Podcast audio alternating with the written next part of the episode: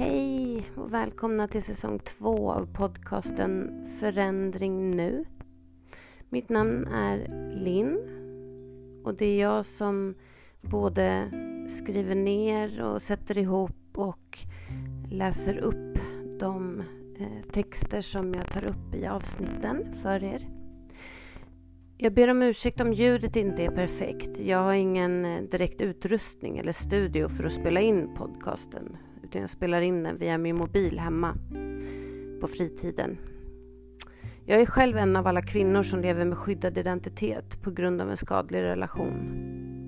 Den här podcasten finns för att jag vill ge alla utsatta en röst i förhoppning att samhället ska börja ta till sig och förstå att vi är så många kvinnor och barn som lever med våld, hot och trakasserier varje dag, år efter år medan de flesta förövare inte drabbas av någon konsekvens alls från deras beteende. Samhället ställer ofta frågorna varför lämnar hon inte bara? Och varför väljer hon sådana män? Det här sättet att ställa frågor på lägger ansvaret och skulden på kvinnorna, vilket inte är rätt. Istället borde frågorna vara varför gör han så här? Och vad är det för fel på honom? Och han borde ta ansvar för att få konsekvenser av sitt beteende och så vidare. Skulden och skammen är aldrig offrens. Det är alltid förövarens fel och ansvar. Förövarna skyller ofta sitt beteende på offren. Till exempel, jag hade aldrig behövt hålla fast henne om hon bara hade stannat. Och jag hade inte behövt låsa in, låsa, lås, jag hade inte behövt slå in dörren om hon låtit bli att låsa den. Hör ni hur fel det här är? Om en person låser in sig av rädsla för någon så har den gjort fel, inte den som sitter inlåst rädd. Och om personen behandlar sin partner på rätt sätt, med respekt, så kommer de antagligen inte försöka fly ifrån den.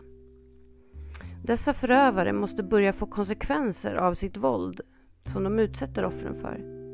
Idag är det bara ungefär en fjärdedel av polisanmälningarna som går vidare till åtal och av dem så är det bara ett fåtal som leder till fällande dom. Och då offren ansöker om kontaktförbud så är det i princip standard att få tillbaka ett avslag med motiveringen att det är en sån inskränkning för förövaren med ett kontaktförbud. Men hur är det för offret och eventuella barn? Hur får de det när samhället gång på gång sviker dem? Varje år dödas över 20 kvinnor av sin före detta partner eller partner och hundratusentals barn lever dagligen i ett hem där det pågår våld, dag efter dag. Jag vill att vi tillsammans lyfter varann, stöttar varann. Att vi vågar dela våra berättelser. Alla berättelser som tas upp här är anonyma. Ingen behöver vara orolig för att röja, röjas. Tillsammans är vi starka och tillsammans kan vi kämpa för en förändring. Tillsammans kan vi lyfta skulden och skammen från offren och lägga den där den hör hemma, det vill säga hos förövaren. Tillsammans tar vi oss framåt mot vad jag hoppas blir en mycket bättre tid.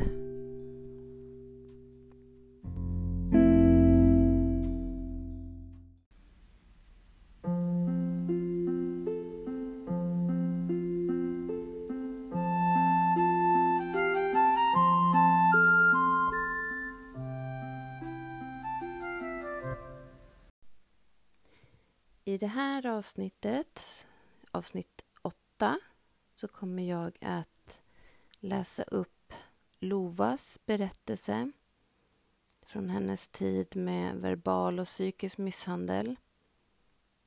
Jag kommer att läsa upp det på det sättet som jag har fått det skrivet till mig. Det vill säga, eh, just det här avsnittet är i jag-form och Lova är inte hennes riktiga namn. Jag läser alltid upp eller tar upp berättelser från kvinnor, offren då och, och barnen eh, med andra namn och andra platser i Sverige och, och, andra tidpunkter och liknande för att det inte ska kunna gå att spåra. Det ska vara helt anonymt det här. Det är jätteviktigt. För er då som känner att ni vill dela mer av er berättelse så mejla till podd, p-o-d-d, understreck ”forandringnu” outlook.com Eller kontakta mig via Instagram. Förändring nu-podden heter, heter den där. Eh, det går både att köra en muntlig intervju över telefon eller skriva ihop berättelsen själv. Jag föredrar om jag får berättelserna skickade till mig eh, för då tar det mindre tid eh, i det arbetet för mig. Men absolut så går det att ordna så att Eh, jag intervjuar muntligt över telefon. Men nog om det. Nu kastar vi oss in i Lovas relation och hennes berättelse. Jag träffades med en man under en tid i mitt liv. Jag vill inte ange årtal, för det är inte relevant. Och jag vill inte avslöja namn. Vi träffades ute i minglet. Han kom fram och pratade med mig. Han var trevlig, öppen, social. Han hade ett lugn i sin röst. Stabil och harmonisk. Han och jag pratade hela kvällen och allt kändes bra. Jag tände inte på honom på en gång, utan det var något som växte till sig. Denna mannen var också märkt av livet, precis som jag. Jag fick veta saker från hans liv och han berättade väldigt öppet om det mesta. Han sa att han var nyfiken på mig. Dagarna gick och han tog kontakt med mig och föreslog efter en tid att vi skulle ses. Han kunde komma hem till mig och hämta mig i hans bil och jag tackade ja. Med packad väska stod jag utanför mitt hus och väntade på honom. Bilfärden var lugn, trevlig och samtalet oss emellan flöt på. Vi skrattade tillsammans mycket och pratade om allmänna ämnen på väg mot hans hemort tillsammans. Dagar blev till en vecka. En vecka blev till två. Varje dag pratade vi om massor av ämnen och kemin verkade stämma bra mellan oss. Men små konstiga ting började att ske. Jag reagerade inte fullt ut först, utan det kom mer som små förnimmelser av en känsla. Den psykiska misshandeln som hade påbörjats av honom mot mig. Jag förstod inte det först. Han sa att jag inte skulle prata om mig själv utan att jag skulle lyssna på vad han hade att berätta. Att jag skulle lära känna honom först, fullt ut. Och sen, om jag tyckte om det jag hörde, så skulle han lyssna på mig. Självklart tänkte jag till. Jag tyckte det här var konstigt. Men ändå, jag lät honom prata på. Och jag lät mina känslor för honom ta överhanden över förnuftet. Och jag stannade kvar och lät honom babbla på om hans liv. Han visade både brev och bilder från förr. Hans levnadshistoria. Han hade varit gift länge. Han var separerad sedan ett tag, liksom jag. Han var även diagnostiserad med ADHD och han åt medicin för detta. Jag såg de receptbelagda medicinpaketen som han knäckte ut piller ifrån. Och nu är det ju så att jag är inte så förveten och frågvis av mig. Så jag la inte ner någon energi på att ta reda på mer om det här utan jag lät honom käka på. Tiden förlöpte och allt mer konstigare saker hände. När jag uttryckte en åsikt eller avbröt honom eller när han pausade i sin konversation, egentligen en monolog som jag först trodde var en dialog eh, och att jag avbröt honom med något jag ville flika in, då tystade han mig. Jag fick inte prata. Jag skulle lyssna. Han började också få verbala utbrott och stundom blev jag rädd för honom. Men ändå stannade jag kvar. Jag vet inte varför. Han sa att han älskade mig och han var en mycket charmig man i samma ålder som jag själv. Ibland fann jag små lappar ifrån honom där han skrivit gulliga ord till mig. Han kunde även komma fram bakom mig och lyfta undan mitt hår och kyssa mig i nacken samtidigt som han höll om mig. Han var romantisk, trevlig och väldigt ömsint mot mig. Bakom tuffa utsidan som han hade så fanns det en mjuk man. Hans klädstil hade en hård attityd och han uppvisade starka drag av manlighet. Jag gillade det kontrasterna mellan det yttre och det inre. Det som fanns bakom fasaden. Han kramade mig och han var älskvärd och öm. Vi gjorde låtlistor tillsammans och namngav dem med kärleksfulla namn. Vår lista, som vi ständigt lyssnade på. Jag fick nyckeln till hans hem. Vi hade inte diskuterat det före. Och jag fick även larmkoden till hans hus. Så när han arbetade fanns jag ensam kvar i huset och väntade på honom. Jag fördrev dagarna med att sola, lyssna på musik, städa i hans hus och bara vara. Han ville köpa saker till mig. Han ville ge mig till exempel en helt ny mobiltelefon eftersom min gamla krångla. Men jag tackade nej. Jag sa till honom att du behöver inte köpa min kärlek. Jag tar inte emot någonting från dig. Inte så dyra saker. Nej tack. Då gick han och köpte ett nytt batteri till min mobil och jag blev ju glad över det. Det var bara det att mobilen ändå inte fungerar med det nya batteriet. Då ville han att jag skulle klippa mitt simkort så att det passade till den nya mobilen som han hade. Och jag ville inte och då blev han arg. Ännu en gång var jag otacksam, sa han.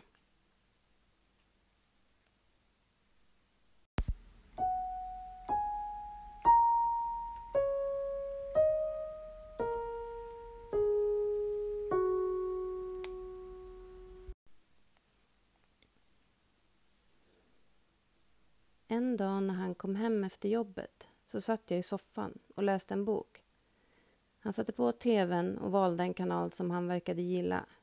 Sen irrade han omkring lite i huset för att till slut lägga sig ner på soffan för att vila lite. Han var trött efter jobbet.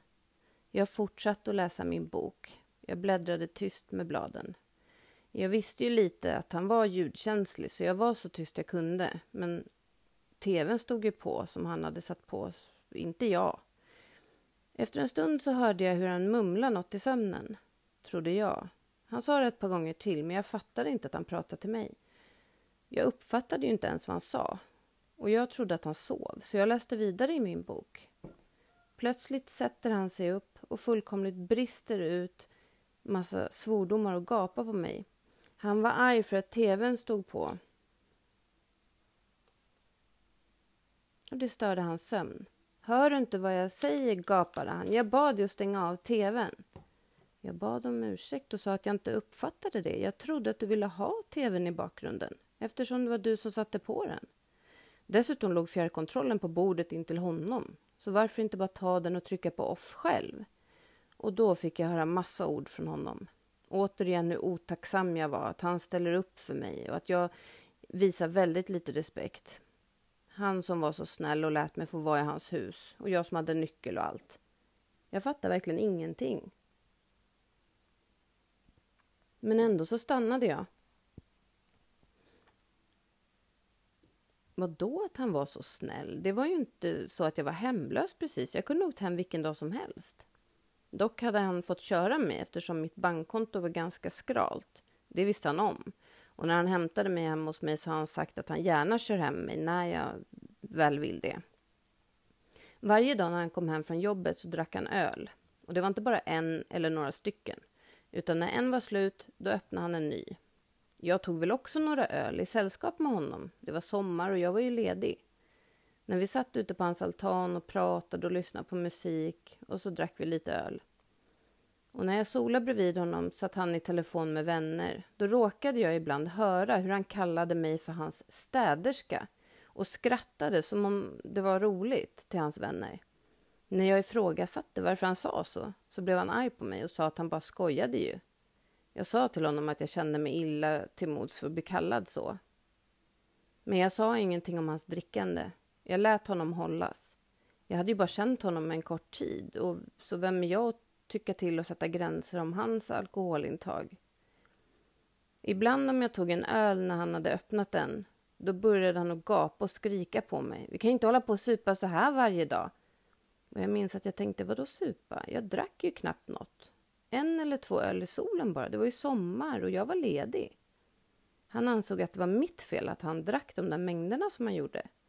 Och åter, återigen så var jag inte tacksam för att han hjälper tydligen mig och allt han har gjort för mig tydligen. Va? tänkte jag. Vad fasiken pratar han om? En kväll så flippade han ut totalt och jag sa äntligen emot. Jag blev arg och höjde rösten och bad honom att sluta gapa på mig. Jag sa till honom att jag också har rätt att säga min åsikt. Jag måste inte vara tyst, bara för att han önskar det. Jag tog även upp det här med smeknamnet eller öknamnet som han talade om mig som en städerska till hans vänner. Jag talade om för honom hur kränkande och nedlåtande det lät och att jag inte accepterade att bli kallad för det. Då blev han helt vansinnig och jävlars vilket liv det blev. Då fick jag veta hur respektlös och otacksam jag var.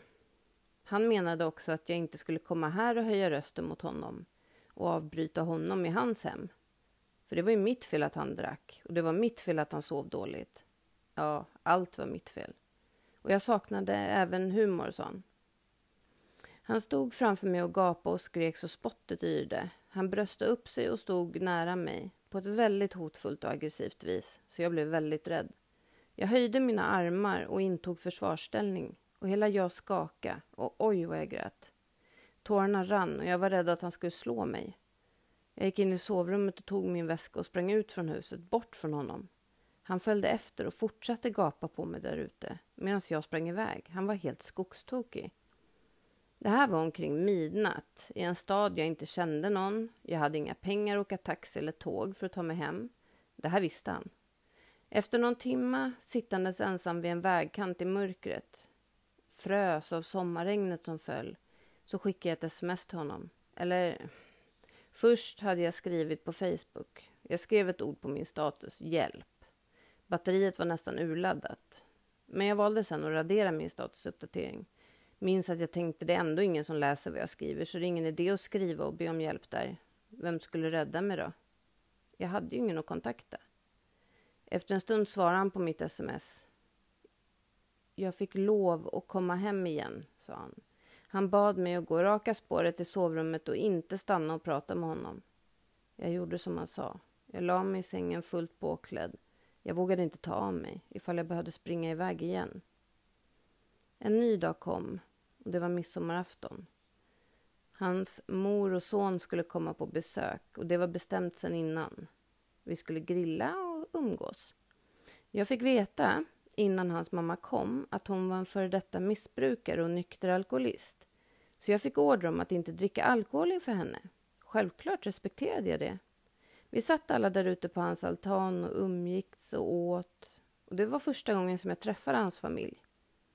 Jag hjälpte till att hämta mat och liknande ute i köket och då såg jag att han smygdrack där ute i köket. Ja, då tänkte jag att då kan väl jag också öppna en öl. Rätt som det var så upptäckte han att även jag öppnat en öl och då blev han arg. Jag visade ingen respekt för hans mor, sa han och han menade att nu var han ju tvungen att lugna ner sig själv med att öppna en till öl. Jag hade förstört hans kväll. Till saken hörde också att mamman aldrig såg mig klunka ur ölen eftersom hon satt där ute. Och han drack ju också i köket, så varför kunde inte jag få göra det? Han gapade och skrek att det minsann var dyrt att köpa öl och det var mitt, öl att, mitt fel att ölen nästan var slut. Jag hade druckit en öl. Bara. Ute på altan blev det stelt. Rätt som det var kom han ut och ställde ett glas saft framför mig, för jag hade bett om det. Han viskade att jag inte skulle tala om för hans mamma att det var alkohol i glaset. Självklart fick jag nästan genast frågan från hans mamma vad det var jag drack. Dricker du saft? Mannen blev helt vansinnig igen. Fast i tysthet så hans mamma och son inte märkte det. Men mamman och sonen fick ta en taxi hem och lämna oss. Jag var så rädd att vara ensam med honom nu. Dagen efter körde han hem mig och vi sa inte ett ord till varandra under färden hemåt. Från den dagen så har jag inte träffat den mannen igen. Hur kan en man hur, hur kan en man behandla en kvinna på det här sättet? Och hur kan man som kvinna behandla så här? När man är medveten om faran som växer till sig. Hur kunde jag tillåta den här miss, psykiska misshandeln? Jag som är en så stark och självständig kvinna. Jag som har skinn på näsan. Hur kunde jag låta mig bli så kränkt av honom? Och varför valde jag ändå att stanna? Det finns givetvis fler detaljer i historien som jag inte har berättat, men jag vill inte dra upp allt. Frågan uppstår, hur kan man som kvinna gå med på det? Och ja, idag är jag glad att jag ändå tog mitt förnuft till fånga och valde att inte träffa honom mer. Vem vet, han hade kanske slagit ihjäl mig en dag, vem vet? Och den här mannen har ett otroligt kontrollbehov. Och medicinerna han tar gör det inte bättre. Han hade ett sjukligt beteende och utövade sin manliga makt över mig. Och han försökte försvaga mig för varje dag som gick. Och han var inte sån i början alls. Nu hade, jag, nu hade jag ju visserligen tur att han visade det här så pass tidigt. Annars kan det ju dröja ibland upp till år innan tecknen börjar synas. Nedbrytningen av kvinnan. Jag var ju bara kvar i två veckor. Det här var Lovas berättelse. Eh, jag vill lägga till att sättet hon beskriver hur frågorna uppstår, hur man som kvinna kan gå med på att behandla så här och liknande. Det är frågor som ofta kommer i offrens tankar efter en sån här relation. Det är inte kvinnan som tillåter männen att bete sig så här. Det är männen, i det här fallet då, som är de skyldiga. Det är alltid förövaren som bär ansvaret och skulden och skammen är förövarens. Det är aldrig offren, i det här fallet en kvinna. Det är aldrig någon annans ansvar hur förövaren beter sig. Det är alltid förövaren. Och det är inte, det, det är inte solklart ett val att gå eller att stanna. Ibland, ofta, så stannar man för sitt eget livs skull. För att om man går så finns det risk att man blir dödad eller att man blir farligt skadad, allvarligt skadad. Så det hon skrev i sin text om hur kan man som kvinna gå med på att behandlas så här? Hur kunde jag tillåta mig den här miss psykiska misshandeln? Hon har inte tillåtit någonting. Det är han som har tagit sig friheten att bete sig så. Han har gått in och tyckt att det är okej att göra så. Hon har inte gjort någonting fel. Hon är inte ansvarig för hans beteende. Man ska kunna, precis som att man ska kunna gå runt egentligen naken utomhus utan att bli våldtagen så ska man även kunna få, få vara i den här världen utan att bli misshandlad, vare sig psykiskt eller fysiskt. Det finns ingen ursäkt för det beteendet. Så jag vill bara lägga till det att det var inte frågor som jag ställde utan det var frågor som hon i slutet av sin berättelse eh, eh skrev ner att hon frågade sig själv. Och det är väldigt vanligt att man att man får sådana tankar och även att omgivningen öser sådana tankar och åsikter på en att varför gick du inte? Varför stannar du kvar? Varför valde du en sån man? Och så vidare. Lite av det kommer jag ta upp i nästa avsnitt, för då i avsnitt 9 så kommer jag prata om PTSD och eftervåldet och liknande. Och då kommer det här komma upp en del.